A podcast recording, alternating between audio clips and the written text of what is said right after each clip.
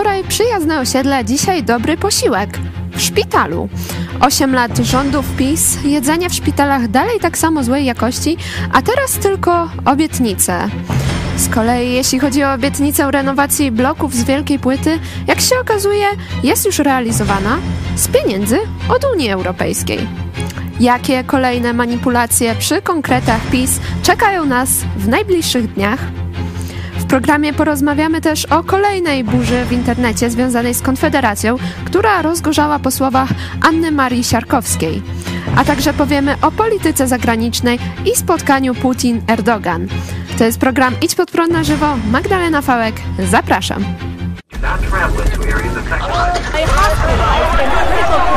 Jesteśmy przestępcami.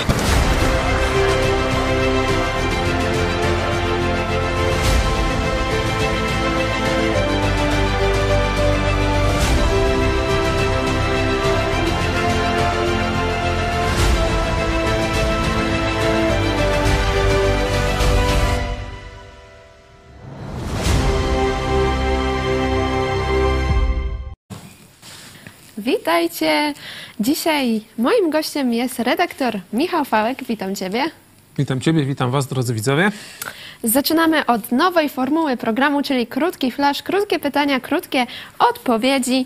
E, obietnice PiSu. Wczoraj e, przyjazne osiedle, dzisiaj dobry posiłek w szpitalu. E, 8 lat rządów PiS, a 5 lat temu NIK alarmowała, że jedzenie w szpitalach jest złej jakości. A teraz tylko obietnice. Czy w ten sposób PiS przyznaje się, że przez ostatnią praktycznie dekadę głodził pacjentów? No przynajmniej przez 5 lat tak głodził pacjentów. Krótko? Krótko. Nie, to faktycznie pokazuje, że, e, że PiS sobie lekceważył e, temat, lekceważył do czasu, kiedy się zbliżyły, zbliżają wybory. E, jedną rzecz chciałem taką, na jedną rzecz zwrócić uwagę. Na koszt tej obietnicy. PiS robi tutaj wielki program z tego, wielka obietnica PiSu. Chcą dać miliard złotych na poprawienie e, wyżywienia w szpitalach. Przypomnijmy, że e, ubiegłotygodniowy, no nie wiem, czy to lapsus słowny, czy po prostu nieumiejętność, niezrozumienie zasad e, gospodarki, czym się różni netto od brutto, naczelnika państwa Jarosława kosztowało około 10 miliardów.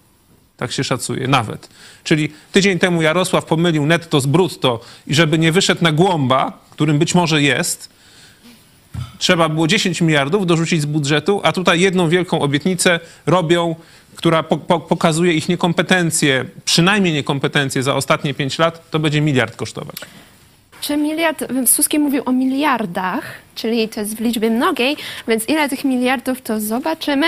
E, kolejne pytanie. Odbyło się spotkanie Putin, e, Putin-Erdogan, ale bez żadnych efektów. Na co liczył Erdogan? Ważne, że odbyło się spotkanie z Putinem, ponieważ wcześniej Rosja chciała wysłać sobowtóra. Erdogan powiedział, że absolutnie nie ma możliwości, żeby się spotkał z sobowtórem. On się do tego nie zniży, bo do tej pory w ciągu ostatnich kilkunastu miesięcy to prawie, że wszyscy się spotykali podobno, podobno z sobowtórem Putina. Także e, Erdogan postawił taki warunek. Nie wiem, czy nie chciał sprawdzić, czy Putin jeszcze żyje. I wygląda na to, że Putin żyje, skoro się spotkali, bo Erdogan postawił taki warunek, rzeczywiście spotkał się z Putinem, są zdjęcia z tego, czyli Putin jeszcze żyje. Na pewno to nie był sobowtór? Nie, myślę, że to nie był sobowtór. Myślę, że skoro to był warunek strony tureckiej, to on został spełniony. Zresztą takie źródła w Kremlu e, podają, że Putin bardzo był przygotowywany dosyć długo e, do, tego, do tego spotkania. Później powiemy więcej ciekawych szczegółów na ten temat. Była posłanka e, PiS Anna Maria Siarkowska skomentowała oświadczenie konferencji Episkopatu Polski i powiedziała, cytuję, nie po to Jezus Chrystus umarł na krzyżu, by PiS wygrał kolejne wybory. Czy słupki Konfederacji po raz kolejny spadną po tych słowach? Może mogą spaść, mogą spaść, a, na, a sam, sama wypowiedź e, pani Siarkowskiej, która już nie jest w PiSie, ale wcześniej była w Ale PiSie. wcześniej była w PiSie. a teraz jest w Konfederacji.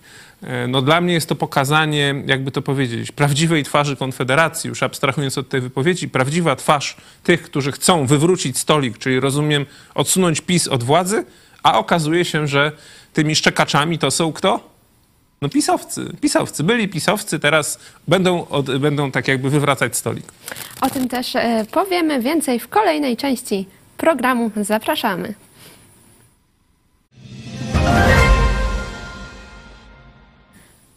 A my przypominamy też e, o tym, że możecie nas wesprzeć. My nie utrzymujemy się z dotacji państwowych. E, Co miesiąc mamy cel, aby nas wsparło tysiąc osób.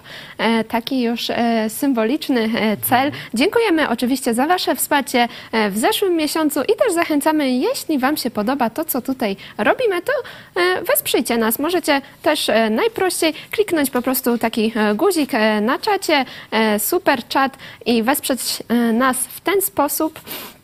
A my e, przechodzimy do tematu głównego.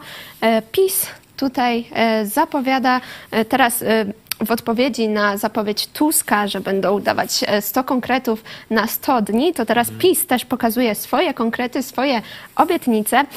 E, Pierwsza e, z nich e, dotyczyła osiedli, ale to jeszcze porozmawiamy zaraz, ale zajmijmy się dzisiejszą obietnicą dobry posiłek. Tutaj ktoś może pomyśleć, że o, dobry posiłek w domu. Nie, to chodzi o dobry posiłek w szpitalu i Właśnie Suski obiecuje miliardy złotych na poprawę żywienia w szpitalach, ale dlaczego PiS nie zajął się tym wcześniej? Mieli No na to właśnie. 8 lat. Mieli na to 8 lat.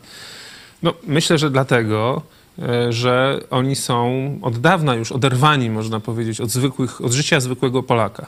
Od, od tego, tego, czym żyje przeciętny Polak i nagle budzą się, kiedy jest czas na wybory i jadą do ludzi i się dowiadują, co ludziom, można powiedzieć, no, jaki jest problem, co ludziom leży na wątrobie e, i, i, i no, z czym sobie Polacy nie radzą, jaki jest problem w państwie, bo przecież pisowcy nie leczą się w zakładach opieki zdrowotnej publicznych, tych takich, do których trafiają zwykli pacjenci. Pisowcy leczą się w lecznicach rządowych. No i tam mają, wiecie, nie wiem, kawior, ośmiorniczki. No nie znam, bo nie, nie leczę się w, lecznicach rządowych i nie zamierzam e, leczyć się w lecznicach rządowych w przyszłości.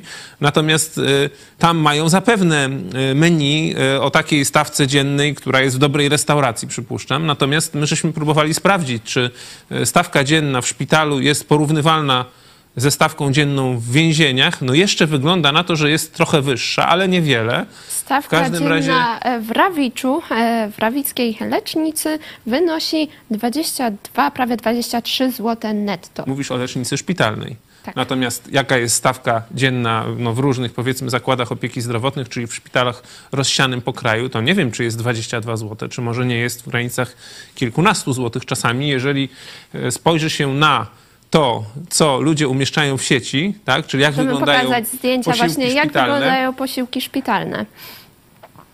no jest, no przynajmniej nie jest chleb i woda, tak? Suchy chleb i woda. Jest czasami troszeczkę masła, jest coś do, nie wiadomo co to jest. No w każdym razie rzeczywiście wygląda to, e, to sm- jest to smutne i naprawdę wygląda to biednie. Tym bardziej, że ludzie, którzy są leczeni, no to powinni dostawać żywienie wręcz nie takie, można powiedzieć, głodowe, tak? Czyli nie skromne nadzwyczaj, tylko tak odpowiednio zbilansowane, żeby ich, no, tak jakby organizmom pomóc się odżywić i, no i pomóc w leczeniu, tak? W wykurowaniu się. Też jak właśnie czytałam, to na przykład e, cukrzycy e, mówią, że te dieta nie jest dostosowana do tego, jaka powinna być dla cukrzyków, czyli bezglutenowa, e, a dostają normalne posiłki, takie jak e, reszta ludzi i Także Główny Inspektorat Sanitarny stwierdza, że nieprawidłowości dotyczą niemal co czwartej lecznicy w Polsce. No, Posiłki są raport- zbyt słone, raport- za słodkie, za tłuste, za Raport, mało raport. Najwyższej Izby Kontroli jest sprzed pięciu lat. Tak, No z dlaczego- 2018 roku. Dlaczego PiS zlekceważył ten raport i nic nie zrobił, można powiedzieć, przez pięć lat? Nic nie, nie naprawił systemu czy sytuacji w sposób taki rzeczywisty, tak? taki widoczny. No, czy ktoś nie powinien teraz odpowiedzieć za to?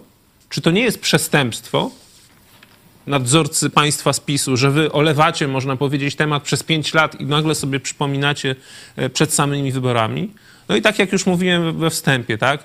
E, No ty mówisz, że pan Suski, e, czyli poseł Susłow tutaj obiecuje miliardy.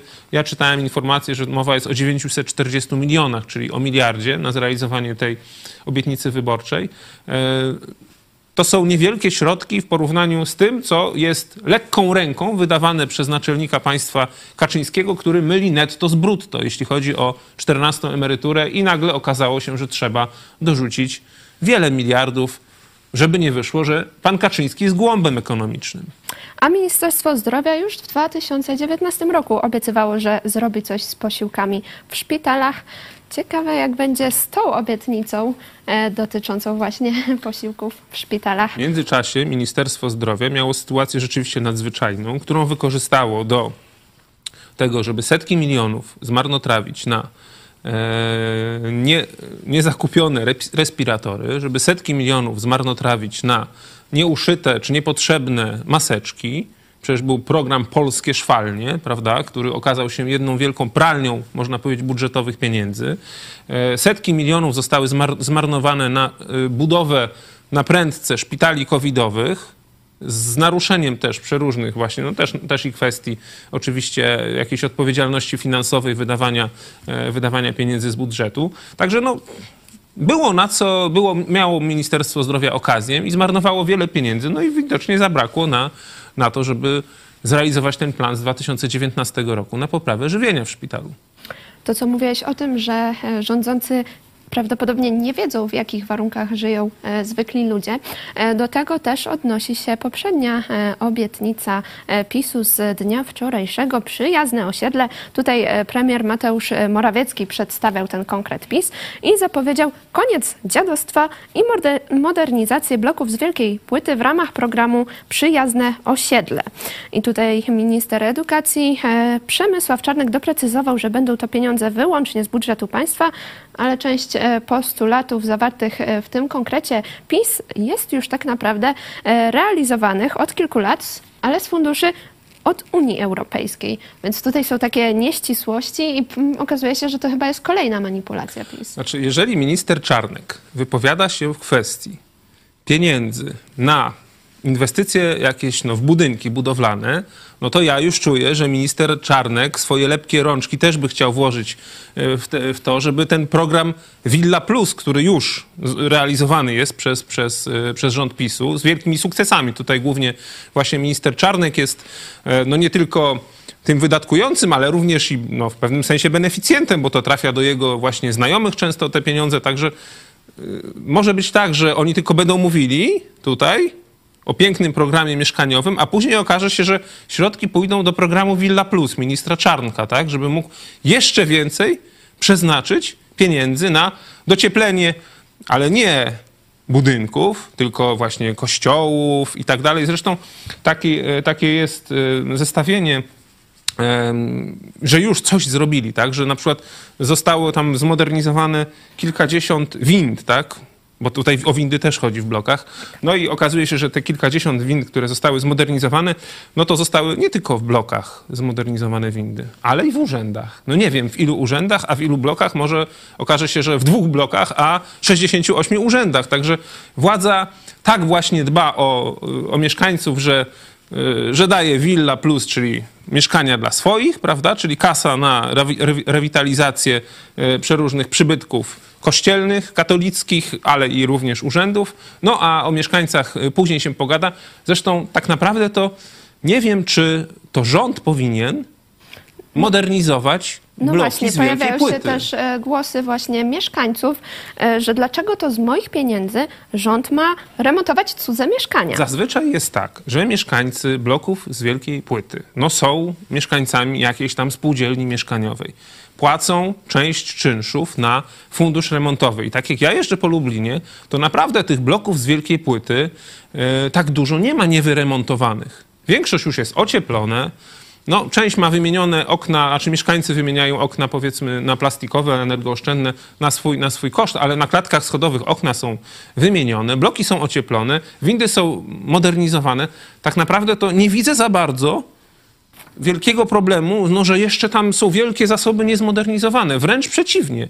Bardzo mało jest tych bloków, które nie zostały przez ostatnie kilkanaście lat zmodernizowane i to nie za pieniądze rządowe, tylko za pieniądze mieszkańców, którzy płacą na fundusz remontowy i włodarze spółdzielni mieszkaniowej z tego funduszu robią po prostu mm, odpowiednie no, termomodernizacje, powiedzmy, czy modernizację tych budynków, w których mieszkańcy mieszkają. Także tutaj rząd nie wiem po co tak jakby e, pcha jeszcze swoje dodatkowe e, brudne, tłuste czy lepkie łapsko. No chyba tylko po to, żeby właśnie dać szansę na Wille Plus jeszcze, na zwiększenie tutaj ministrowi Czarnkowi y, okazji do, do, do po prostu no, do, do zagarnięcia i modernizowania, tak? Bo oni lubią... Minister edukacji wypowiada się, jeśli chodzi o modernizowanie budynków. No po prostu, panie ministrze Czarnek, Pan sprawdź, jakie pan masz oceny społeczne, bo ja wczoraj czytałem e, opinie Polaków na temat Czarnka. No, jedynka na szynach, czy pała na szynach, czy dwuja na, dwuja na dwóch, czy na trzech szynach, no bo tam 60% źle pana ocenia, z czego 49%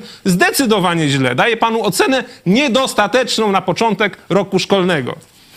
Też właśnie mieszkańcy e, oburzają się na słowa Mateusza Morawieckiego, ponieważ e, powiedział on właśnie, że koniec z dziadostwem. I mieszkańcy się oburzają, że e, nazywanie ich miejsca zamieszkania dziadostwem, no to to jest duże nieporozumienie, ponieważ właśnie te mieszkania często są już e, wyremontowane i te, tak jakby Mateusz Morawiecki nie wie, jak mieszkają zwykli Polacy. Nie wie, ponieważ fundusze na kancelarię, na utrzymanie kancelarii e, prezesa Rady Ministrów, czyli właśnie na kancelarię Mateusza Morawieckiego, jeśli byście znaleźli wykres przedstawiający wzrost tych funduszy, to one są zdecydowanie ponad inflację. Zdecydowanie. Tam słupek to jest po prostu taka, wiecie, jak jest hiperbola, tak? W matematyce to tak wygląda właśnie e, wzrost funduszy, które, które premier Morawiecki przeznacza na swoją willę i swój urząd. No to skąd on ma wiedzieć, e, że ludzie mieszkają źle, jeśli on mieszka znakomicie, no. Ale przychodzi, widzicie,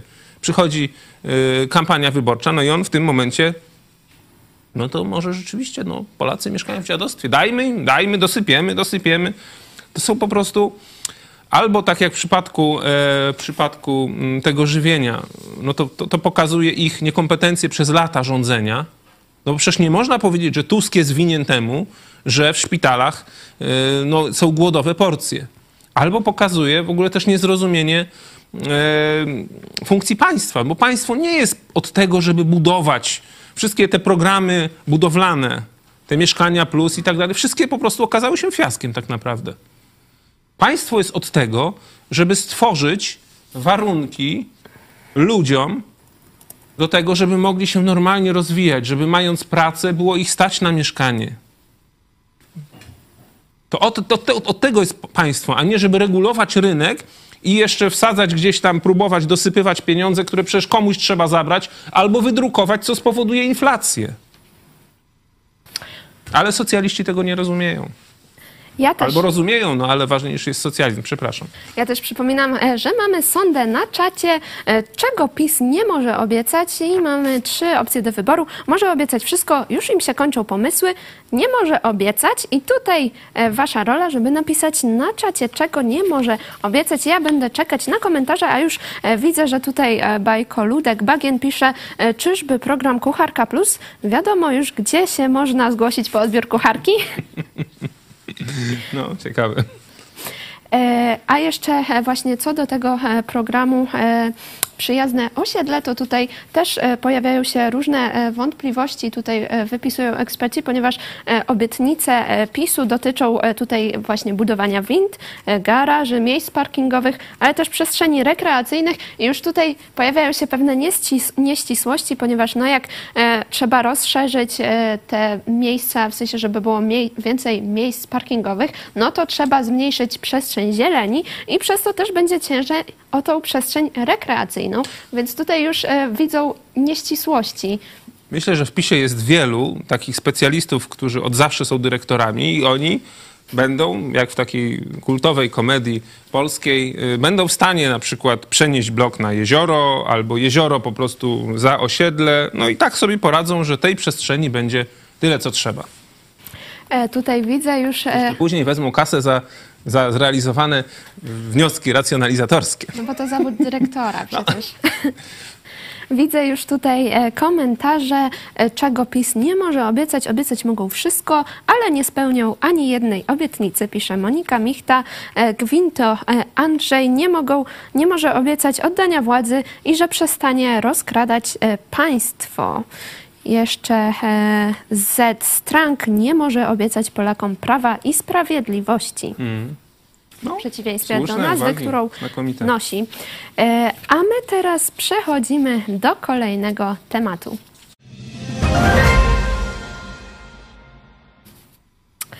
Wypowiedź e, posłanki Anny Marii Siarkowskiej napisała na Twitterze odnosząc się do e, oświadczenia konferencji Episkopatu Polski, który e, stwierdził, że członkowie zespołu ekspertów zdecydowanie sprzeciwiają się próbie tworzenia nowej wykładni istniejącego prawa, zmierzającej do poszerzenia kryteriów dopuszczających legalne pozbawienie życia nienarodzonego dziecka ze względu na przesłanki psychiatryczne, e, tylko dlatego, iż w praktyce oznaczałoby to ponowną legalizację aborcji na życzenie.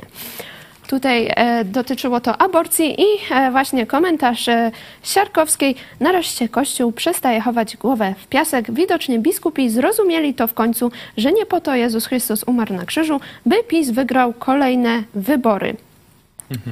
Słowa Siarkowskiej szokują, szczególnie, że jest ona byłą posłanką PiS, a teraz stwierdza, że to Jezus jest przeciwko PiSowi. Czy powinna w ogóle używać takich argumentów w debacie publicznej? Można się zapytać, y, czy jeśli Jezus jest przeciwko PiSowi, to jest za Konfederacją, bo rozumiem, że tak pani Siarkowska utrzymuje. No tak można z tego kontekstu wyciągnąć. Nie wiem, czy ona w ogóle wie, po co Jezus umarł. Jeżeli już podnosi taki temat, no to warto jest wykorzystać tę okazję, żeby powiedzieć, po, to, po co Jezus umarł. Pan Jezus nie umarł po to, żeby PiS wygrał lub nie wygrał wybory, tak samo jak Jezus nie umarł po to, żeby Konfederacja wygrała lub nie wygrała wybory. Jezus umarł po to, żeby właśnie pani Siarkowska, ale nie tylko, bo nawet i pan Kaczyński, i nawet i pan Mencen i inni konfederaci i pisowcy mieli możliwość nie zapłacić samemu kary za swoje grzeszne życie, za te niezre- niezrealizowane czy okłamane, można powiedzieć, rzesze Polaków, za te właśnie ukradzione pieniądze. Owszem, za to powinniście zapłacić w życiu doczesnym. Powinniście być za to ukarani. Ale wieczną karę, którą też powinien człowiek, każdy grzeszny człowiek ponieść i trafić do piekła z tego powodu, właśnie tę karę wieczną Jezus zapłacił. I zapłacił, umierając na krzyżu, przeżywszy wcześniej bezgrzeszne życie. Właśnie po to Jezus przyszedł, pani Siarkowska, a nie po to, żeby PiS wygrał lub nie wygrał wybory i tak samo Konfederacja by wygrała lub nie wygrała wyborów. No, takie mieszanie Jezusa w ten sposób i jego ofiary do, do ataku politycznego e, no jest, jakby to powiedzieć, no jest niegodne kogoś, kto mówi o sobie, że jest chrześcijaninem, bo pokazuje po pierwsze niezrozumienie sensu tej ofiary, po drugie pokazuje lekceważenie tej ofiary i w ten, w ten sposób naigrawanie się z Boga, z Boga Jezusa Chrystusa. Także pani Siarkowska, raczej, żeby się pani naprawdę zastanowiła nad tym, co pani mówi, bo rzucasz pani wyzwanie, można powiedzieć, czy plujesz w twarz Jezusowi Chrystusowi. On jest Bogiem, który ma władzę i kontrolę nad wszystkim. Różnie się może potoczyć. Różnie się może potoczyć. Ale czy w takim razie w ogóle nie powinno się mieszać religii i Jezusa do e, polityki, do debaty publicznej? No, mm, oczywiście, że nie mówię, że religia się nie wypowiada na temat debaty pu- publicznej, czy na temat polityki, czy można powiedzieć, czy Jezus, czy Biblia de facto, może nie religia, no Biblia się nie wypowiada, bo owszem, wypowiada się. Jezus wielokrotnie też wypowiadał się w tym, co mówił na temat funkcjonowania państwa i tak dalej. No ale to nie jest równoznaczne, to co ona zrobiła, ta pani Siarkowska, no to nie jest równoznaczne, e, z, z, można powiedzieć, z tym, co Biblia proponuje, tak? Tutaj jest wykorzystanie, czy można powiedzieć, naśmianie się z, z, z ofiary Jezusa na krzyżu, wykolejenie czy wykrzywienie, czy przedstawienie e, sobie tego jako żartu, można powiedzieć, po to, żeby zagrać politycznie, czegoś, co jest bardzo poważne, tak? No, ma do tego prawo. Ma do tego prawo. A ja mam prawo, żeby to ocenić, skrytykować i powiedzieć, że to głupio robi ta kobieta. Że głupia to baba jest, ta Siarkowska. Natomiast e, Biblia wypowiada się wielokrotnie poli o polityce. No, wypowiada się na temat tego, że państwo powinno, w państwie powinny być niskie podatki. Bo kto, na przykład, jeśli jakiś król, no, czy władca państwa wysokie podatki czyni, to niszczy państwo, tak? Wypowiada się również na temat E, na temat ten, na który się wypowiedziała pani Siarkowska, no, czyli można powiedzieć e, życia, tak? Że no, nie powinniśmy mordować. Czyli owszem, zgadzam się, że aborcja jest czymś złym, ale uważam, że, że ten, uważam, że ten kompromis aborcyjny, który był, był czymś w tej tak delikatnej kwestii, tej delikatnej materii właściwym i lepiej było go nie ruszać. A to właśnie pani Siarkowska i jej koledzy z PiSu rozwalili, można powiedzieć, ten delikatny kompromis, no bo tutaj wchodzimy w tak jakby sferę wolnego wyboru.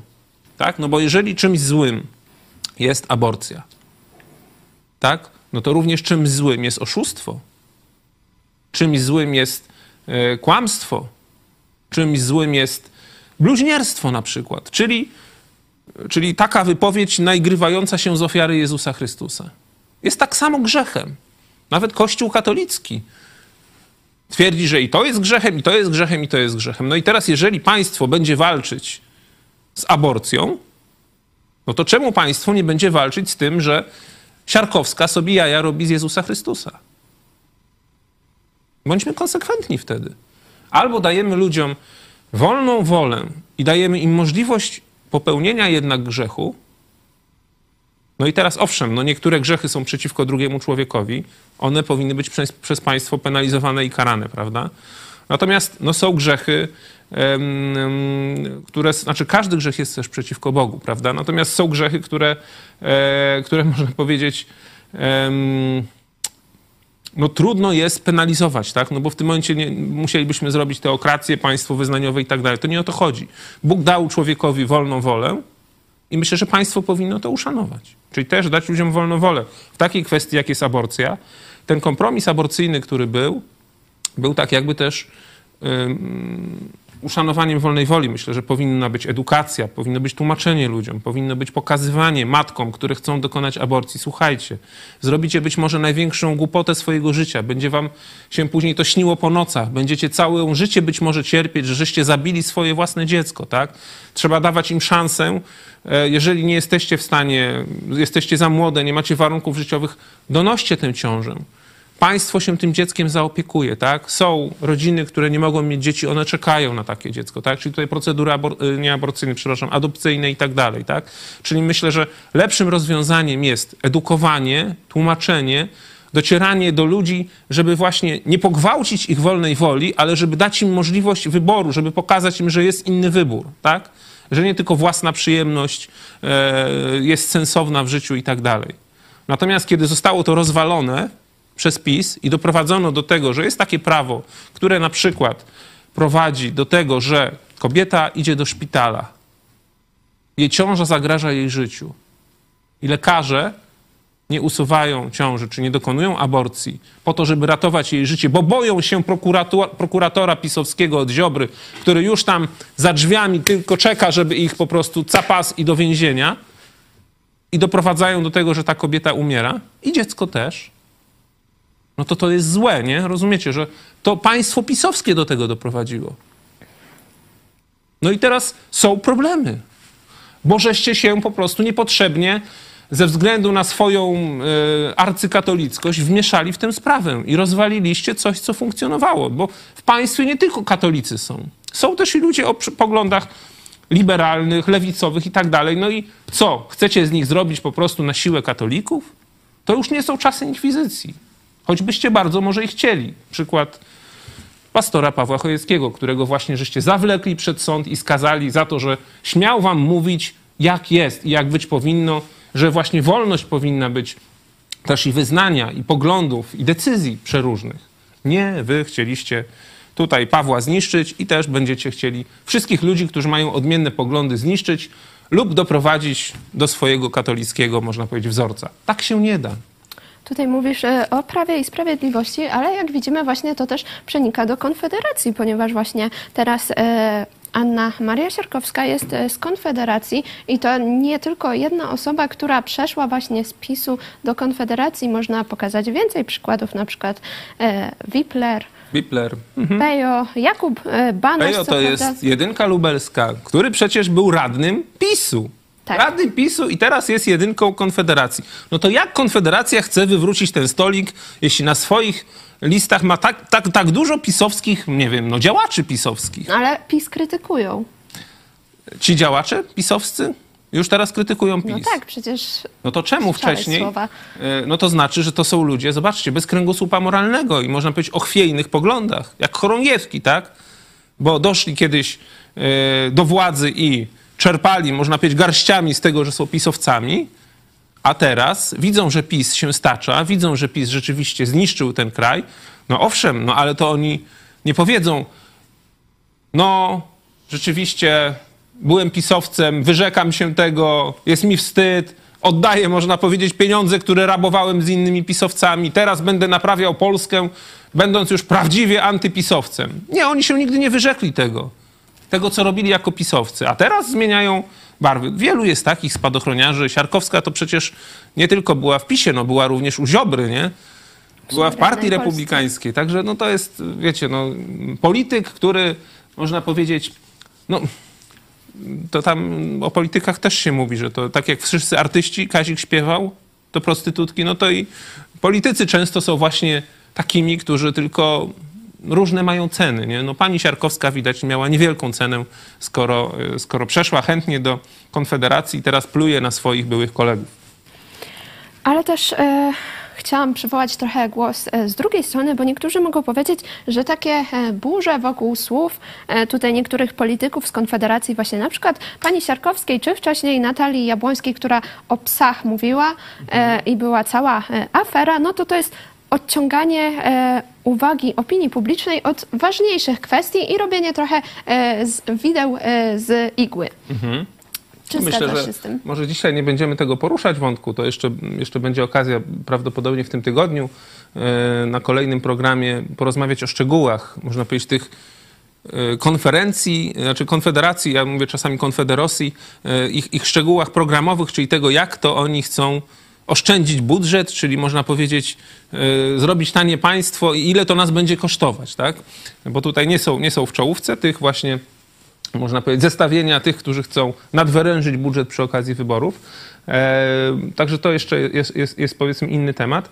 Ale rzeczywiście, no, jakby to powiedzieć, Konfederacja jest to, Konfederacja, przepraszam, poprawiam się, jest to zbieranina ludzi, y, którzy mają często szokujące poglądy. A często poglądy może nie szokujące, ale na pewno antypolskie. No bo przecież Korwin, Braun, to są no to są naj, najwięksi, można powiedzieć, wyznawcy Putina w Polsce, czy jedni z, naj, z największych wyznawców Putina w Polsce. I oni są w Konfederacji. Czyli wszystko się zgadza, tak? Putin i Brown, Konfederacja, wszystko się zgadza. No, ponieważ pan Memcen wie, że jest to w tym momencie mało popularny i może mu więcej szkody e, przysporzyć niż popularności, no to schował póki co e, Brauna i schował póki co trochę tego, e, tego Korwina, e, żeby, no, żeby, można powiedzieć, prawdziwa twarz Konfederacji, którą jest właśnie Konfederacja, nie wyszła na światło dzienne. No ale tam no, kolejne, można powiedzieć, e, postaci się pokazują, bo ostatnio była właśnie pani od jedzenia psów, To właśnie Natalia Jabłońska. dokładnie, i tutaj było mnóstwo memów, które pokazywały, e, jak to właśnie, e, jak to właśnie konfederaci chcą, bo jaki był program Konfederacji Memcena? Dla każdego Grill, Gri- dom, trawnik. grill to później. Najpierw dom, trawnik, dwa samochody, no mało pracy, nie? Wakacje. wakacje Grill. i grill. I teraz do tego grilla pies.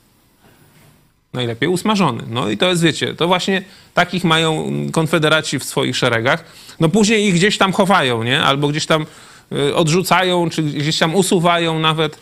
E, no widać, że jest to towarzystwo, jest, jest taką zbieraniną, że oni nie mają po prostu struktur. Że zebrali, żeby zapełnić te listy, zbieraninę różnych ludzi, no o naprawdę no, często oszołomskich pog- poglądach tam pełno jest i płaskoziemców oczywiście, nie?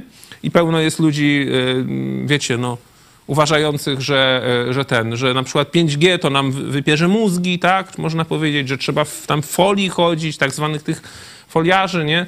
No, no to jest taka, to jest, można powiedzieć, to jest głos na takich ludzi, nie? Jak ktoś chce na taką partię głosować, żeby ludzie, można powiedzieć, odrzucający no takie oczywiste, można powiedzieć, prawdy naukowe, jak na przykład to, że Ziemia jest kulą, żeby oni doszli do władzy, właśnie ci konfederaci, no to już można, jego wybór. No. Będziemy wtedy mieli jeszcze głupszych posłów niż teraz. Teraz może będą bardziej moralni, chociaż nie, no to też są ludzie, którzy, którzy tylko myślą, żeby się dorwać do koryta. A my osobiście znamy troszeczkę to środowisko i wiemy również, dobrze z własnego doświadczenia, ja z osobistego doświadczenia wiem, że są to ludzie, można powiedzieć, zamordyści religijni. No przecież Mencen to jest jeden z e, sygnatariuszy no, tej konfederacji tak gietrzwałckiej, gdzie jest napisane wprost, że ich celem jest to, żeby Polska była wielką Polską katolicką, oddaną we władanie Najświętszej Maryi Pannie i Jezusowi. Tylko nie wiem, czy nie temu właśnie, na, na takiemu malutkiemu na, rę, na rękach Marii, prawda? Bo tak, takie są, można powiedzieć, nawet na stronie e, konferencji, konfederacji tej e, gieczwałckiej e, są obrazy czy zdjęcia. Także ja bym nie chciał takiej Polski.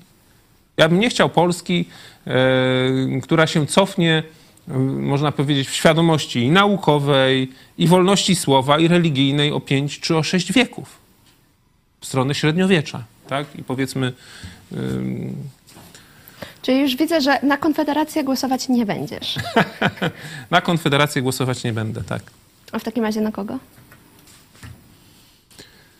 Trudne pytanie, bo dalej nie mam na, na kogo głosować. Natomiast uważam, że y, mądrym jest zagłosowanie przeciwko PiSowi. A e, na kogo będziesz głosować, to pewnie będziemy się dowiadywać też później. Tutaj właśnie e, dużo e, naszych komentatorów zapowiada, że będą już mówić, jak listy zostaną ogłoszone pewne, mhm. pełne, na kogo oddadzą swój głos. A teraz przejdźmy do wyników sądy.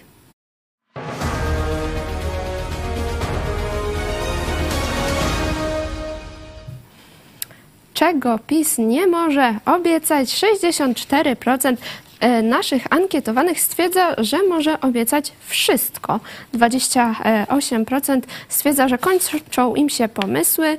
I tutaj 8% e, wpisywało na czacie. Część już e, czytałam właśnie komentarzy z czatu.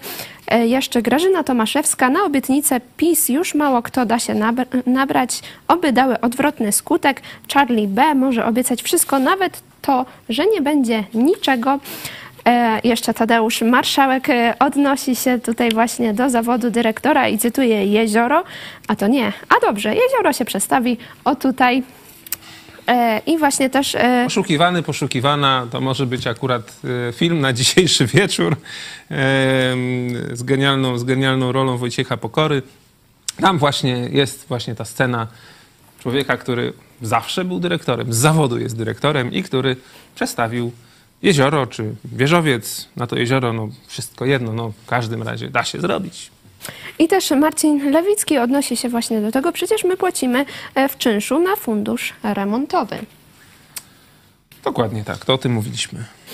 E, a my e, teraz przechodzimy już do kolejnego tematu.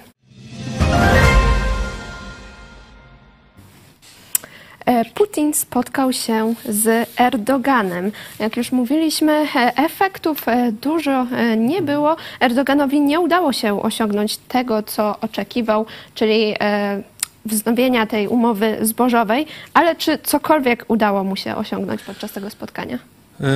Zacznijmy od można powiedzieć, ustalenia faktów, tak? czy pokazania faktów. To Turcji zależało na, na tym spotkaniu.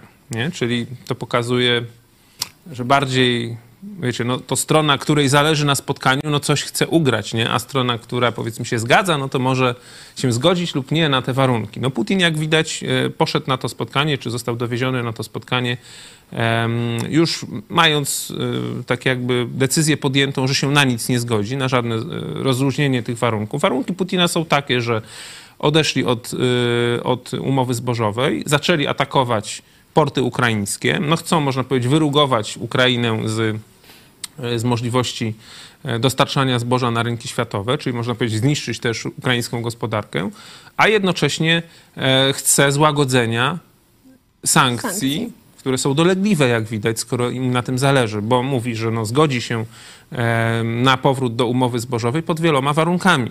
Te warunki to jest dopuszczenie z powrotem do systemu SWIFT, czyli do tego elektronicznego systemu, można powiedzieć, między, międzybankowego jednego z banków rosyjskich, który właśnie obsługiwał, można powiedzieć, transakcje zbożowe. Jest momencie odłączony i to jest duży problem dla Rosjan, jak widać.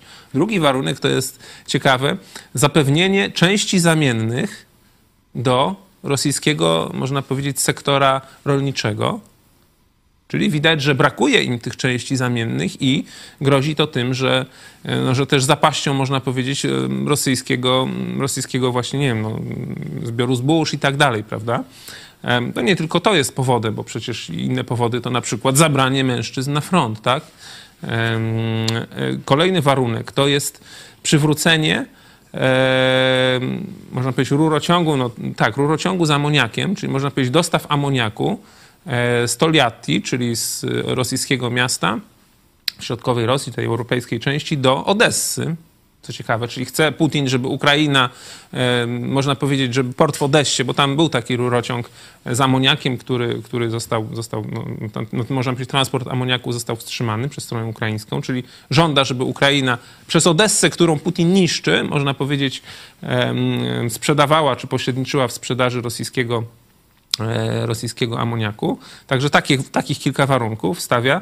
E, no i wtedy on się zgodzi na, zgodzi na, e, na powrót do umowy zbożowej. Na razie, jak widać, rzeczywiście mm, liczyliśmy na to, że Zachód będzie tutaj bardziej asertywny. W szczególności Turcja, nie? W szczególności Turcja, przecież Turcja ma możliwości militarne, żeby zapewnić Ukrainie bezpieczny możliwość sprzedaży ziarna, tak? Bo przecież mogłaby Turcja wysłać swoją flotę, żeby eskortowała okręty czy statki e, handlowe, które, e, które będą e, odbierały ziarno z, portów ukraińskich i transportowały je do Afryki Północnej, gdziekolwiek, gdzie, gdzie było przeznaczone. Turcja tego nie zrobiła, czyli Turcja jednak z jakiegoś powodu nie wiem, czy się boi, czy chce coś innego ugrać, no bo też była mowa o takim scenariuszu, że Rosja e, przez Turcję za pieniądze Emiratów Arabskich będzie swoje ziarno sprzedawać.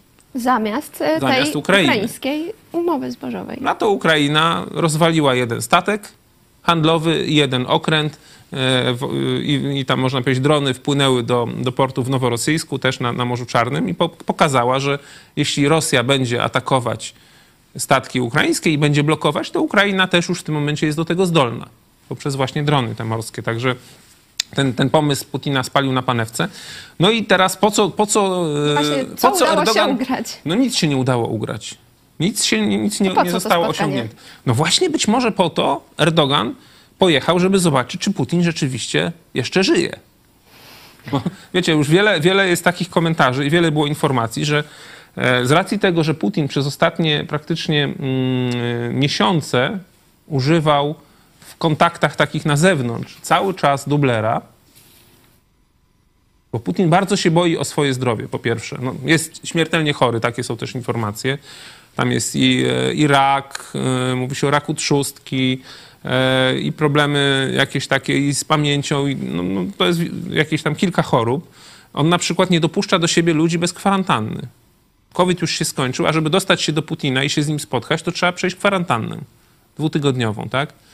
No teraz nie wiem, jak to, było z Erdoganem, bo Właśnie. Erdogan chyba był poza kwarantanną, ale są takie informacje, jest takie źródło, źródło, które jest ulokowane, na Twitterze jest to źródło, które jest ulokowane e, gdzieś tam w Kremlu i, i, dużo takich informacji z Kremla, które wydają się być prawdziwymi, e, podaje. E, I to źródło podało, że Putin na to spotkanie, no, tak, tak zwane pu- ciało Putina, no bo tak już się śmieją, że to wiecie, że to już jest półtrup, nie? E, został tam kilka dni wcześniej zawieziony do Soczi, kilka dni był przygotowywany, przez kilka dni się z nikim nie spotykał, kilka dni, e, no tak jakby trwało też jego wzmocnienie jego organizmu i tak dalej. Musiano zrobić oczywiście specjalny makijaż Putinowi i co jest śmieszne, z racji tego, że ostatnio publicznie pokazywał się dubler Putina, to wyobraźcie sobie, że Putin był tak charakteryzowany, żeby przypominać bardziej swojego dublera Niż siebie. niż siebie samego, ponieważ on już troszeczkę ze względu na, na swoją, no można powiedzieć, no, no, na, na degradację ciała, że już zaczyna troszeczkę go, gorzej wyglądać niż swój dubler, który ostatnio był wszędzie publicznie pokazywany. W związku z tym Putina teraz charakteryzują, żeby wyglądał jak dubler, nie? No jakie, kuriozum, nie? No i został rzeczywiście to spotkanie z Erdoganem trwało trzy godziny, tyle Putin wytrzymał. Jest też informacja, że podczas tego spotkania on tam osłabł czy zasłabł i to była tak jakby wielkim szokiem dla Erdogana. I to być może więcej właśnie, no to chciał Erdogan zobaczyć, nie? Bo to jest też ważna informacja dla, dla Zachodu, nie? Dla, dla sojuszników Turcji, którymi, którymi my też jesteśmy, nie? bo jesteśmy w jednym sojuszu e, militarnym. E, Także można powiedzieć, że Erdogan był takim troszeczkę, można powiedzieć, wysłannikiem Zachodu, żeby zobaczyć, jak Putin się miewa. Prawdziwy Putin, nie jego dubler, nie? Dlatego był ten warunek, że się spotkam tylko z Putinem. Putinem. Tak, Putin był zaproszony do, do Ankary, ale się wystraszył. E, wystraszył się, no bo przecież ciąży nad nim nakaz aresztowania. Dlatego Erdogan poświęcił się i pojechał do Soczi, tam spotkał się z Putinem. Nic nie uzyskali, ale pewne informacje o stanie Putina uzyskali. Zostały uzyskane. A teraz kolejna osoba planuje się spotkać e, z Putinem. E, Kim Jong-un e, planuje w tym miesiącu właśnie udać się do Rosji e, i chce omówić możliwość dostarczenia Moskwie broni, żeby miała na walkę z Ukrainą. Tak, bo tutaj już zaczynają być problemy z Iranem. Mianowicie takie, że e, no, mówi się, że Stany Zjednoczone bardzo nacisnęły i, to, o tym mówiliśmy już w jednym z programów, i że na przykład złagodziły sankcje mm, na Iran po to, żeby Iran mógł sprzedawać swoją ropę między innymi do Chin, po to też, żeby Rosję wyprzeć, ale w tym momencie e, warunek był też taki, że Iran przestanie wspierać Rosję, jeśli chodzi o dostawy broni. E, Choć to jest taki szerszy, można powiedzieć, temat, bo tu jest i Izrael związany i też jest taki deal, o którym, o którym żeśmy już też mówili kiedyś w programie, że na przykład e, to opóźnienie w dostawach F-16 to jest związane z tym, można powiedzieć, z naciskiem Izraela, e, żeby Rosja nie przekazała z kolei Iranowi najnowszych, naj, najnowszych myśliwców, ale do Iranu już trafiły szkolne, można powiedzieć, myśliwce. E, Także to nie jest tak, że w ogóle te, te więzi mm, Iranu z Rosją zostały całkiem zerwane. Natomiast no, ta, można powiedzieć, przyjaźń rosyjsko-irańska została zachwiana. Em, oczywiście, no, można powiedzieć, jest to uderzenie w Rosję, szczególnie w jej, możliwość, w jej możliwości sprzedawania ropy. Zresztą tutaj bardzo ciekawa informacja jest taka, że Indie też odchodzą od kupowania rosyjskiej ropy, że można powiedzieć, wolumen sprzedaży ropy rosyjskiej do Indii w ciągu ostatnich dwóch miesięcy bardzo spada. No, A można czy to nie wpłynie na rynek cenowy na całym świecie ropy? Nie, nie wpłynie. Ponieważ Putin właśnie zażyczył sobie, bo za tanio sprzedawał ropę, bo musiał dawać duże rabaty, bo po prostu tak, e, tak Hindusi e, postawili sprawę. Zresztą jest cała kwestia tej płatności w rupiach i tak dalej. To już dzisiaj nie będę się rozwodził nad tym. O tym już mówiliśmy w tym programie, znaczy w naszym programie kiedyś. E, W każdym razie doszło do tego, że Putin powiedział, że nie można dawać takich rabatów cenowych, no to Hindusi powiedzieli, no to dobrze, będziemy kupowali teraz więcej ropy z Arabii Saudyjskiej, e, z, re, z rejonu Zatoki, Perskiej, gdzie powiedzmy jesteśmy w stanie e, kupić w granicach tych 60 dolarów za baryłkę, czyli tyle, co jest, co jest pułap cenowo ustalony na ropę, można powiedzieć, przez państwa zachodnie jako sankcja dla Putina. No i spadek jest, jest od razu widoczny na wykresie, bardzo znaczny spadek e, wolumenu sprzedaży ropy w ciągu ostatnich dwóch miesięcy do Indii przez Rosję. E, No także to, to, to jest też kolejna, można powiedzieć, dobra wiadomość, bo to znaczy, że Rosja będzie miała jeszcze mniej pieniędzy i jeszcze większe kłopoty. Zresztą w Rosji też już brakuje benzyny. W wielu miejscach nie ma benzyny, no bo można powiedzieć, e, rafinerie nie są w stanie, tak są już zniszczone, niszczone gospodarczo, producenci ropy, że, e, że w tym momencie nie dostarczają ropy na rynek wewnętrzny, nie? bo muszą sprzedawać, żeby, żeby jeszcze jakokolwiek być na powierzchni finansowo, to muszą starać się sprzedawać za granicę. Też są problemy produkcyjne i tak dalej. To jest cała, cały inny temat. Teraz e, też Rosja rozważa wspólne ćwiczenia z Koreą e, Północną, a między innymi odwołała te takie coroczne z Białorusią. E, I też z tego właśnie, co pisze New York Times, to Kim Jong-un, jak przyjedzie do Rosji, będzie się starał o pomoc żywnościową dla Korei Północnej, żeby Rosja zaczęła przekazywać. Czy to pokazuje takie zacieśniające się coraz No, bardziej to, relacje? jest nie, to jest rzeczywiście niebezpieczne i lepiej, żeby tego nie było, ale widocznie e, Putin jest, jest w takiej sytuacji, że jest gotów na pakt z samym diabłem, żeby tylko przetrwać, żeby, żeby można powiedzieć też nie stracić władzy. Tak? Może być tak, że prędzej rzeczywiście umrze e, od tych chorób niż, ni- niż, niż wojna się zakończy, mając nadzieję, że to, że to nastąpi wkrótce. Nie? Są też i takie szacunki. No ale jak widać, póki co tam go, tam go, tam go trzymają przy życiu ci lekarze. Natomiast można, chcielibyśmy wam pokazać, jaką Putin ma teraz tragicznie słabą pozycję w świecie, nie? Jak wszyscy już go olewają. Bo oto pozwolił sobie na żart z Putina i to taki, wiecie, żart bardzo dobry. Można powiedzieć świetny, nie? Ale taki żart, no jakby to powiedzieć, nakopał po prostu no, kopów Putinowi. Premier wielkiego mocarstwa europejskiego, który się już nie liczy z Rosją, mianowicie Albanii. I oto Państwo zobaczcie, jak premier Albanii publicznie drwi z cara Rosji. I don't know if you heard about Russia having this negotiation to change, to, to unify the clock because they have nine hour difference from one part of the other of the country. And the prime minister went to Putin and said, uh, Mr. President, we have a problem. I sent my family in holiday and uh, I called to tell them uh, uh, good night and it's already morning. They are in the beach. I called Olaf Scholz to greet for the anniversary and they say it's tomorrow. I call Xi Jinping for the new year. They say it's already it's, it's still the old year.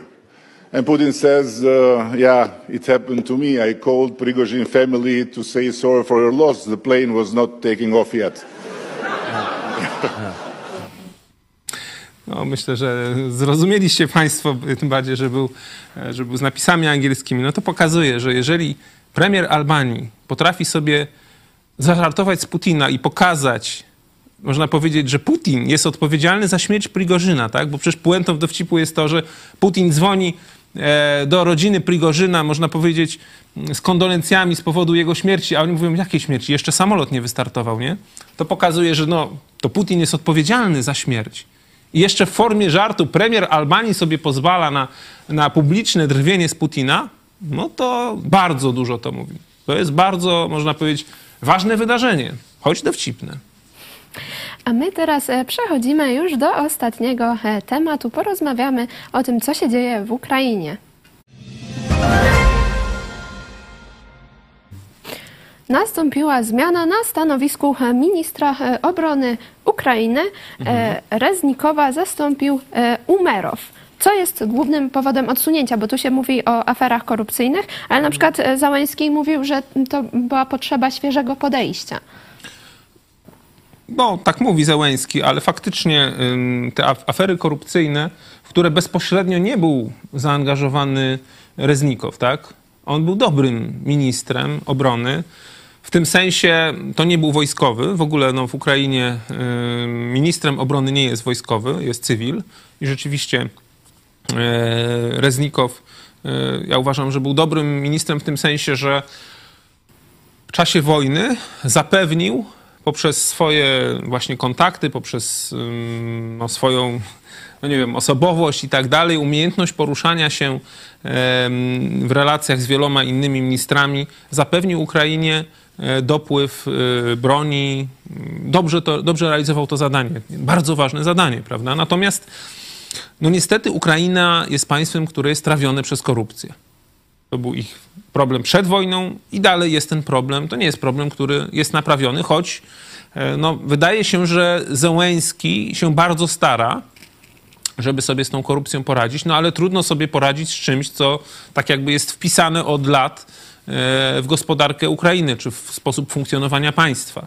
No i to właśnie za e, ministra Reznikowa były takie dwie afery korupcyjne. Jedna to była z wyżywieniem, czyli z zakupem wyżywienia e, na potrzeby armii, które było kilkukrotnie przepłacone, można powiedzieć, czyli no, wiecie, no, coś, co powinno kosztować powiedzmy tysiąc hrywien, okazuje się, że wojsko zapłaciło za to cztery tysiące hrywien i to w ogromnej skali to było. Także no, można powiedzieć, że środki, które powinny być przeznaczone na zakup broni, na zapłacenie żołdu, były marnowane, po prostu były rozkradane przez kogoś, kto, kto zorganizował tamten schemat korupcyjny. Choć nie był to sam Reznikow, no to de facto ponosi jako głowa ministerstwa odpowiedzialność za to, co się dzieje. To było kilka miesięcy temu, bo to było praktycznie w pierwszym kwartale roku ten, ten, ten skandal. Tutaj jeszcze był drugi skandal z kurtkami, z dostawą kurtek z Turcji, notabene, o której wcześniej mówiliśmy. Kurtki zimowe dla wojska, które w Turcji kosztowały 29 dolarów, czy jakaś odzież zimowa, już prze, przy przekraczaniu granicy ukraińskiej kosztowały 80 kilka dolarów. Hmm, ciekawe, nie?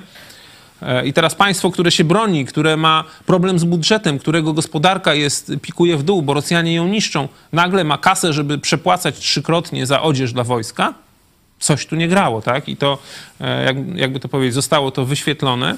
I myślę, że za to właśnie Reznikow zapłacił, zapłacił e, posadą. Ale choć, tak jak mówiłeś- choć nie wtedy, kiedy to było, bo jednak wtedy był czas, e, no, można powiedzieć, budowania koalicji czołgowej, czyli takich no, bardzo ważnych, można powiedzieć, przedsięwzięć, e, no, tej mobilizacji całego świata zachodniego, żeby wesprzeć Ukrainę nowoczesną bronią która teraz właśnie na froncie się przydaje, tak? Także dlatego wtedy nie został od razu us- usunięty Reznikow, tym bardziej, że on nie odpowiadał osobiście, znaczy osobiście nie brał udziału w tej korupcji, na to wygląda tylko, e, można powiedzieć, jako nadzor, nadzór, nadzór całego ministerstwa, był za to odpowiedzialny.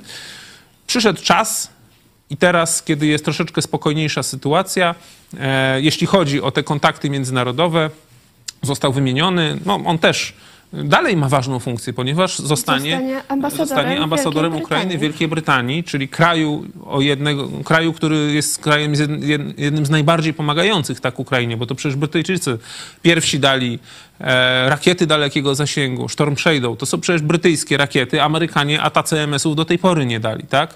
To brytyjskie Challengery, e, Challengery są na froncie, Challenger 2, Ukraińcy bardzo je chwalą, one jeszcze chyba nie weszły do, do walki, można powiedzieć, ta brygada uzbrojona w Challengery jeszcze czeka na przełamanie frontu i dopiero wtedy wiedzie, jak już będzie, będzie możliwość rzeczywiście wejścia w przestrzeń operacyjną. To może być jeszcze czas, nie wiem, miesiąca nawet powiedzmy, albo może i więcej, a może i krócej, E, ale już Ukraińcy sobie bardzo chwalą Challengery, że już, już walczą, tylko jeszcze nie są w takim ogniu jak Leopardy i że są to dużo lepsze czołgi. I to przecież Brytyjczycy dali Challengery, one już są, Abramsy amerykańskie to jest dopiero kwestia, mówi się, września, że się w końcu pojawią w Ukrainie, tak? Że na Ukrainie. Natomiast, e, także funkcja ambasadora Wielkiej Brytanii jest bardzo istotną funkcją. Natomiast jego następca, Właśnie, kim jest... pan Rustem e, Umerow, to jest bardzo ciekawa postać. To jest bardzo ciekawa postać, bo to jest e, polityk, też cywil, e, polityk, który już jest posłem od 2019 roku, e, no, czyli całą kadencję, która no, de facto się tak jakby kończy, ale, ale wyborów póki co podczas, podczas wojny Ukraina e, nie zamierza, nie zamierza organizować. Ale jest to człowiek, który nadzorował e, Fundusz Mienia Państwowego czyli nadzorował wielkie pieniądze państwowe i e, no, nikt tam nie zarzuca korupcji. Wygląda na to, że można powiedzieć, to co on robił, czy ta aktywność polityczna e, związana z, właśnie z nadzorem wielkiego mienia państwowego, e, jest, jest, jest, jest człowiekiem czystym, tak? jest człowiekiem bez żadnych podejrzeń. E, ciekawe jest jego pochodzenie. I to jest bardzo ważne. Jest to człowiek pochodzenia, jest, to, jest to Tatar krymski. Czyli jest to człowiek, który pochodzi od Tatarów krymskich, choć sam nie urodził się na Krymie, bo jego rodzina została wysiedlona podczas wysiedleń jeszcze stalinowskich z Krymu, ale jest po prostu e, z Tatarów krymskich, co zobaczcie jest takim znakiem, nie? Odnośnie Krymu. Że na Krymie wojna się rozpoczęła, jeżeli na ministra obrony narodowej dajemy krymskiego Tatara, no to chyba nie po to, żeby Krymu nie zdobyć. Żeby później powiedzieć, Krym jest dla nas nieważny, tak? To jest bardzo ważny znak. No i też jest, e, jest e, muzułmaninem, co też jest ciekawe, bo sam prezydent Załęski jest Żydem, e, bierze człowieka e, wyznania, wyznania muzułmańskiego na bardzo ważną funkcję, człowieka, który sprawdził się do tej pory e, na swoim stanowisku, który ma bardzo ciekawe i szerokie grono przyjaciół na świecie. Bo wśród przyjaciół Rustema Umerowa są między innymi król Arabii Saudyjskiej, wielu szejków z państw właśnie Zatoki Perskiej, e, no oczywiście też i z zachodu politycy, także e, no szczególnie też oczywiście tureccy e, politycy, także no, można powiedzieć te obszary świata, gdzie do tej pory Ukraina nie miała, można powiedzieć, wielkich sukcesów w mobilizacji do pomocy, mówię tutaj o Zatoce Perskiej, o krajach arabskich, no teraz być może będą w zasięgu dotarcia nowego ministra obrony narodowej. Także ja uważam, że to jest dobre, bardzo dobre posunięcie Załęskiego. A jeśli chodzi e, o front e, ukraiński, to Ukraińcy odnoszą kolejne sukcesy teraz w obwodzie zaporowskim. Mhm. Co jeszcze się dzieje na froncie? No w zasadzie no ciekawy jest tylko ten, ten odcinek zaporowski i tam się rzeczywiście coś dzieje, bo na innych, na innych miejscach jest, no jest, jak, jest taki no chwilowy zastój, można powiedzieć, na froncie. Na północy Rosjanie nic nie zdziałali. E, tam, gdzie próbowali zrobić ofensywę, ostatnio była informacja, że nawet rzucili e, tam dosyć dużo e, sprzętu. Próbowali, można powiedzieć, taki atak czołgami zrobić tam na froncie kupiańskim, czyli kupiańsko-limańskim, tam na północy. Oczywiście został on rozwalony przez Ukraińców, także Rosjanie stracili kolejnych kilkanaście lub nawet kilkadziesiąt czołgów. I tam Ukraińcy odbijają to, co oddali Rosjanom w ciągu ostatniego miesiąca, kiedy Rosjanie tam próbowali zrobić stutysięczną ofensywę po to, żeby związać ukraińskie wojska i doprowadzić do przerzutu ukraińskich rezerw. Tak? Ukraińcy nie przerzucili tam za dużo rezerw, Natomiast Rosjanie przerzucili wszystkie rezerwy, o tym ostatnio mówiliśmy, rezerwy strategiczne już w tym momencie, żeby przełamać czy ochronić to przełamanie ukraińskie, które, które jest na, na, które ma miejsce, czy powoli się, można powiedzieć, dokonuje na froncie zaporowskim i tam już są informacje, że Ukraińcy przeszli przez tę linię Surowikina, czyli przez tę linię obrony takich, wiecie, betonowych piramid, takich ciągów i tak dalej, e, że już za nią walczą w pobliżu miejscowości Werbowe. No i jeżeli tam, i że tak jakby poszerzają ten klin, tak? No bo wchodzą klinem, zajęli Rabotynę, e, podchodzą pod Werbowe i w tym momencie próbują poszerzyć to włamanie po to, żeby po pierwsze uniemożliwić Rosjanom atakowanie z flank, no bo można powiedzieć, jeżeli wojsko wchodzi, tak, klinem, e, atakujące, no to w tym momencie, jeżeli ten klin jest dosyć wąski i wchodzi głębiej w siły przeciwnika, no to naraża się na atak z flank, tak, na kontrataki rosyjskie. A Ukraińcy nie wchodzą szybko w dół, na południe, tylko starają się trochę wejść, poszerzać, tak, wejście. Czyli ten klin robią szerszy, żeby bezpieczniej było dalej wchodzić. I żeby była możliwość po przedarciu się właśnie przez drugą linię obrony wejść w przestrzeń operacyjną, gdzie już wejdą ciężkie brygady. Jeszcze są brygady, które nie weszły do tej pory do akcji, właśnie między innymi z Challengerami. No, jeżeli uda im się dokonać tego przełomu, no to wtedy już tam będzie mielenie Rosjan, tak? To Rosjanie już nie będą mieli gdzie się bronić, ale tam cały czas to mielenie trwa, tak? Czyli, Ros e, czyli Ukraińcy wydali Rosjanom tę wojnę na wyniszczenie i oni mają w tym sukces, bo każdego dnia są informacje, że ginie 500, 600 Rosjan, czyli każdego dnia Rosjanie tracą, można powiedzieć, batalion, Każdego dnia tracą kilkanaście czołgów przynajmniej, no czasami jest kilka, ale średnio przyjmuje się, że Rosjanie tracą 10 czołgów dziennie, tak? 10 czołgów dziennie to jest 300 czołgów w miesiącu zniszczonych rosyjskich. Natomiast są też takie szacunki, że przemysł rosyjski jest w stanie zmodernizować, naprawić i wyprodukować do 500 czołgów rocznie, a realnie do 250 czołgów rocznie. A teraz są 300 miesięcznie no to ileż można wytrzymać, można powiedzieć, takie straty, tak?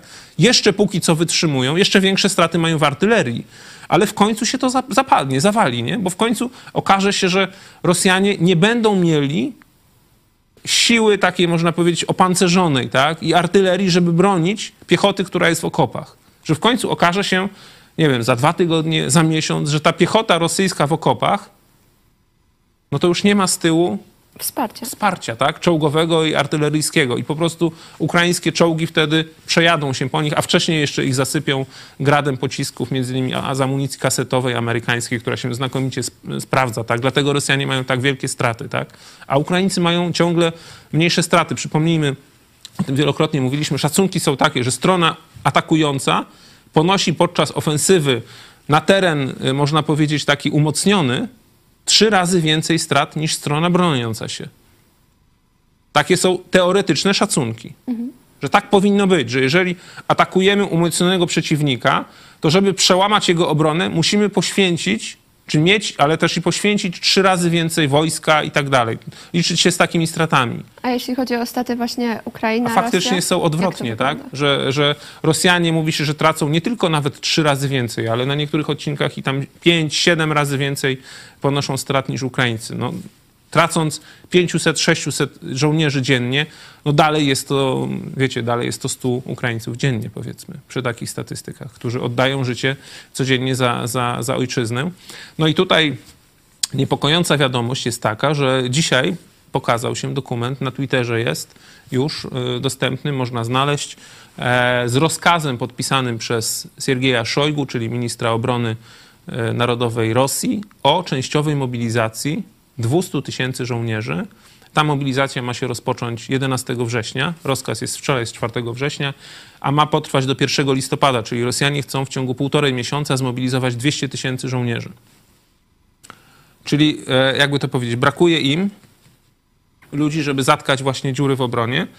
Putin wz, wz, wzdragał się pomoże, przed tą mobilizacją. Skoro, jak nie będą mieli właśnie wsparcia w postaci czołgów, No, artylerii. wiecie, to jest cały czas, można powiedzieć, tak jakby, wiecie, masz, nie wiem, wiadro, gdzie ci się przelewa już woda, bo ma dziurę, no to tak jakby lepisz, nie? No i czy zdążą zalepić? Wydaje mi się, że to jest za późno, nie? Oni, żeby, żeby mieć tych ludzi przeszkolonych 200 tysięcy, bo w tym momencie szacuje się, że mają do pół miliona na całym froncie. Tam są szacunki, że 360, 380 tysięcy, pół miliona to myślę jest z górką, tak? 200 tysięcy dodatkowych to jest dużo. Ale to nie jest tak, że kogoś zmobilizujesz i go wyślesz za tydzień, żeby walczył efektywnie na froncie. Oni tak zrobią, że część tych ludzi wyślą na śmierć. Ale żeby oni byli efektywnie użyteczni, no to muszą ich przeszkolić. A to zajmuje przynajmniej trzy miesiące. Czyli jeszcze dokładając do tego, że będzie zima, to oni będą gotowi na następną wiosnę. Czyli po prostu szykują sobie 200 tysięcy kolejnego mięsa armatniego na następną wiosnę. Może być tak, że to już będzie za późno, że będzie pozamiatane, pozamiatane do tego czasu. I na to liczymy. Tak. E, Ja jeszcze mam e, komentarz tutaj właśnie dotyczący czego PiS e, nie może obiecać. Tomcio Paluszek, PiS może obiecać wszystko oprócz jednego. Dotrzymania tych obietnic. Także ja też Wasze komentarze są świetne, po prostu punkt, sedno tarczy. Dziękujemy Wam e, bardzo za e, udział w sądzie i właśnie też pisanie e, komentarzy na czacie. A ja zapraszam Was dzisiaj o 17:00 nowa formuła zamiast serwisu informacyjnego, teraz info IPP, a o 18:00 e, dogrywka. Zapraszam też e, do kontaktu z nami. Możecie pisać na maila e, kontakt albo dzwonić na numery telefonu 533 906 230. To jest numer kontaktowy do pastora Pawła Machały i jeszcze 536 813 430. 5 to jest numer kontaktowy do siedzącego tutaj właśnie redaktora Michała Fałka. Także możecie zadzwonić, e, porozmawiać, skontaktować się. A ja też przypominam e, o domowym studium Biblii Dzieje Apostolskie. Codziennie na YouTubie pojawia się kolejny odcinek, także zapraszamy do oglądania. A moim gościem był dzisiaj redaktor Michał Fałek. Dziękuję Ci za komentarz. Dziękuję Tobie i dziękuję Wam, drodzy widzowie. Do zobaczenia. My się już z Państwem żegnamy, ale to nie koniec dzisiaj. Bądźcie z nami o 17 i o 18. Do zobaczenia.